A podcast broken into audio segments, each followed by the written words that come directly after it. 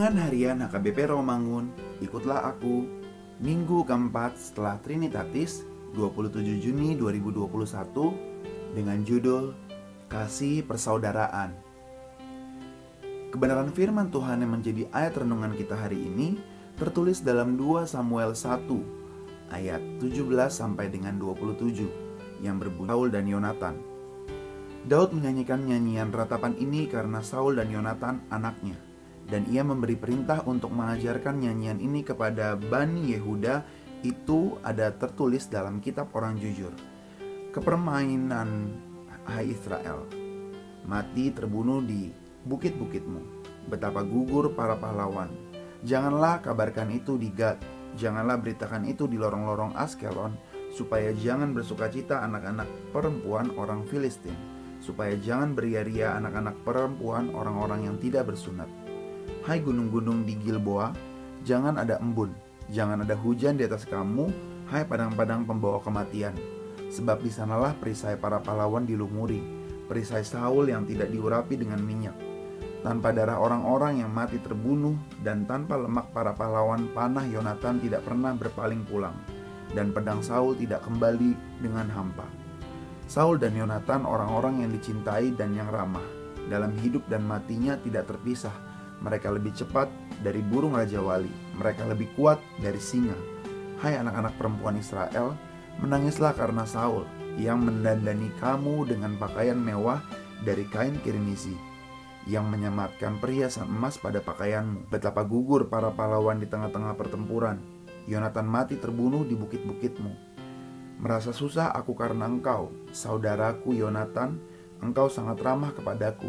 Bagiku cintamu lebih ajaib daripada cinta perempuan. Betapa gugur para pahlawan dan musnah senjata-senjata perang. Demikian firman Tuhan. Kita hidup pada masa yang penuh pergolakan, keadaan dunia semakin buruk, bahkan manusia di zaman sekarang banyak yang lupa akan kasih Allah yang diberikan kepadanya. Sayangnya, di dunia modern ini sedikit sekali orang yang memperlihatkan penghargaan seperti itu. Kasih merupakan inti dari kehidupan sosial kita di dunia ini. Akan tetapi, dalam konteks zaman sekarang, kasih telah memudar.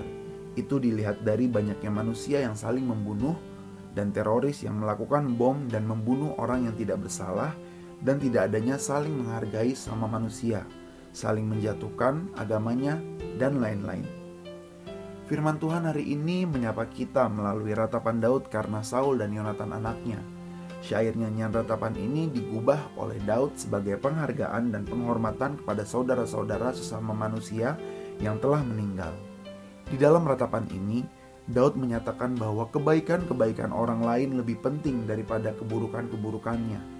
Dan hal inilah yang hendak diwariskan kepada Bani Yehuda. Melalui ratapan ini, Daud mengajarkan kita untuk berbesar jiwa terhadap sesama kita dan kebesaran jiwa tersebut ditandai dengan kemampuan melihat kebaikan saudara-saudara kita dan menjadikan semua manusia sebagai saudara di dalam Tuhan. Kasih persaudaraan yang menjadi topik minggu hari ini dipertegas melalui epistel kita di 2 Korintus 8 ayat 7 sampai 15. Sebagaimana kita yang telah mengenal kasih karunia Kristus, diutus untuk menyelesaikan segala pelaksanaan dengan kerelaan, hidup memberi orang yang mengumpulkan banyak tidak kelebihan dan orang yang mengumpulkan sedikit tidak kekurangan. Setiap orang pasti punya kelemahan dan juga kekuatan masing-masing, dan Tuhan menciptakan kondisi seperti ini supaya umat Tuhan saling membutuhkan, melengkapi, mengasihi, memperhatikan, bekerja sama, dan tolong-menolong. Dalam Yesus kita bersaudara, dalam Yesus kita bersaudara, sekarang dan selamanya, karena dalam Yesus kita bersaudara. Karena sejatinya kita adalah satu di dalam Tuhan. Yohanes 17 ayat 21. Allah yang adalah satu dengan Kristus dan kita satu di dalam Bapa oleh karena Kristus. Oleh karena itu melalui Yesus dialami kuasa dan kasih Allah bagi semua orang dan dilaksanakan dengan pelayanan yang mendahulukan mereka yang miskin dan menderita, yang tidak berdaya dan memperhatikan orang miskin adalah sikap dan tindakan manusiawi terhadap sesama.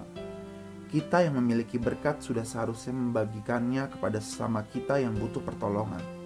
Seringkali memberi adalah perkara yang sulit dilakukan oleh banyak orang Kristen, tetapi dengan mengingat apa yang telah dilakukan oleh Yesus dan yang Dia beri bagi umat manusia, sudah seharusnya kita mengikut jalannya. Persaudaraan dimulai di mana jurang antara orang kaya dan miskin harus dibuang atau dihilangkan.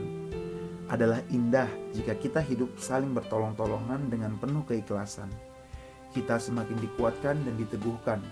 Ketika terjatuh, kita dibantu untuk bangkit. Ketika terluka, kita akan dihibur. Mari kita berdoa.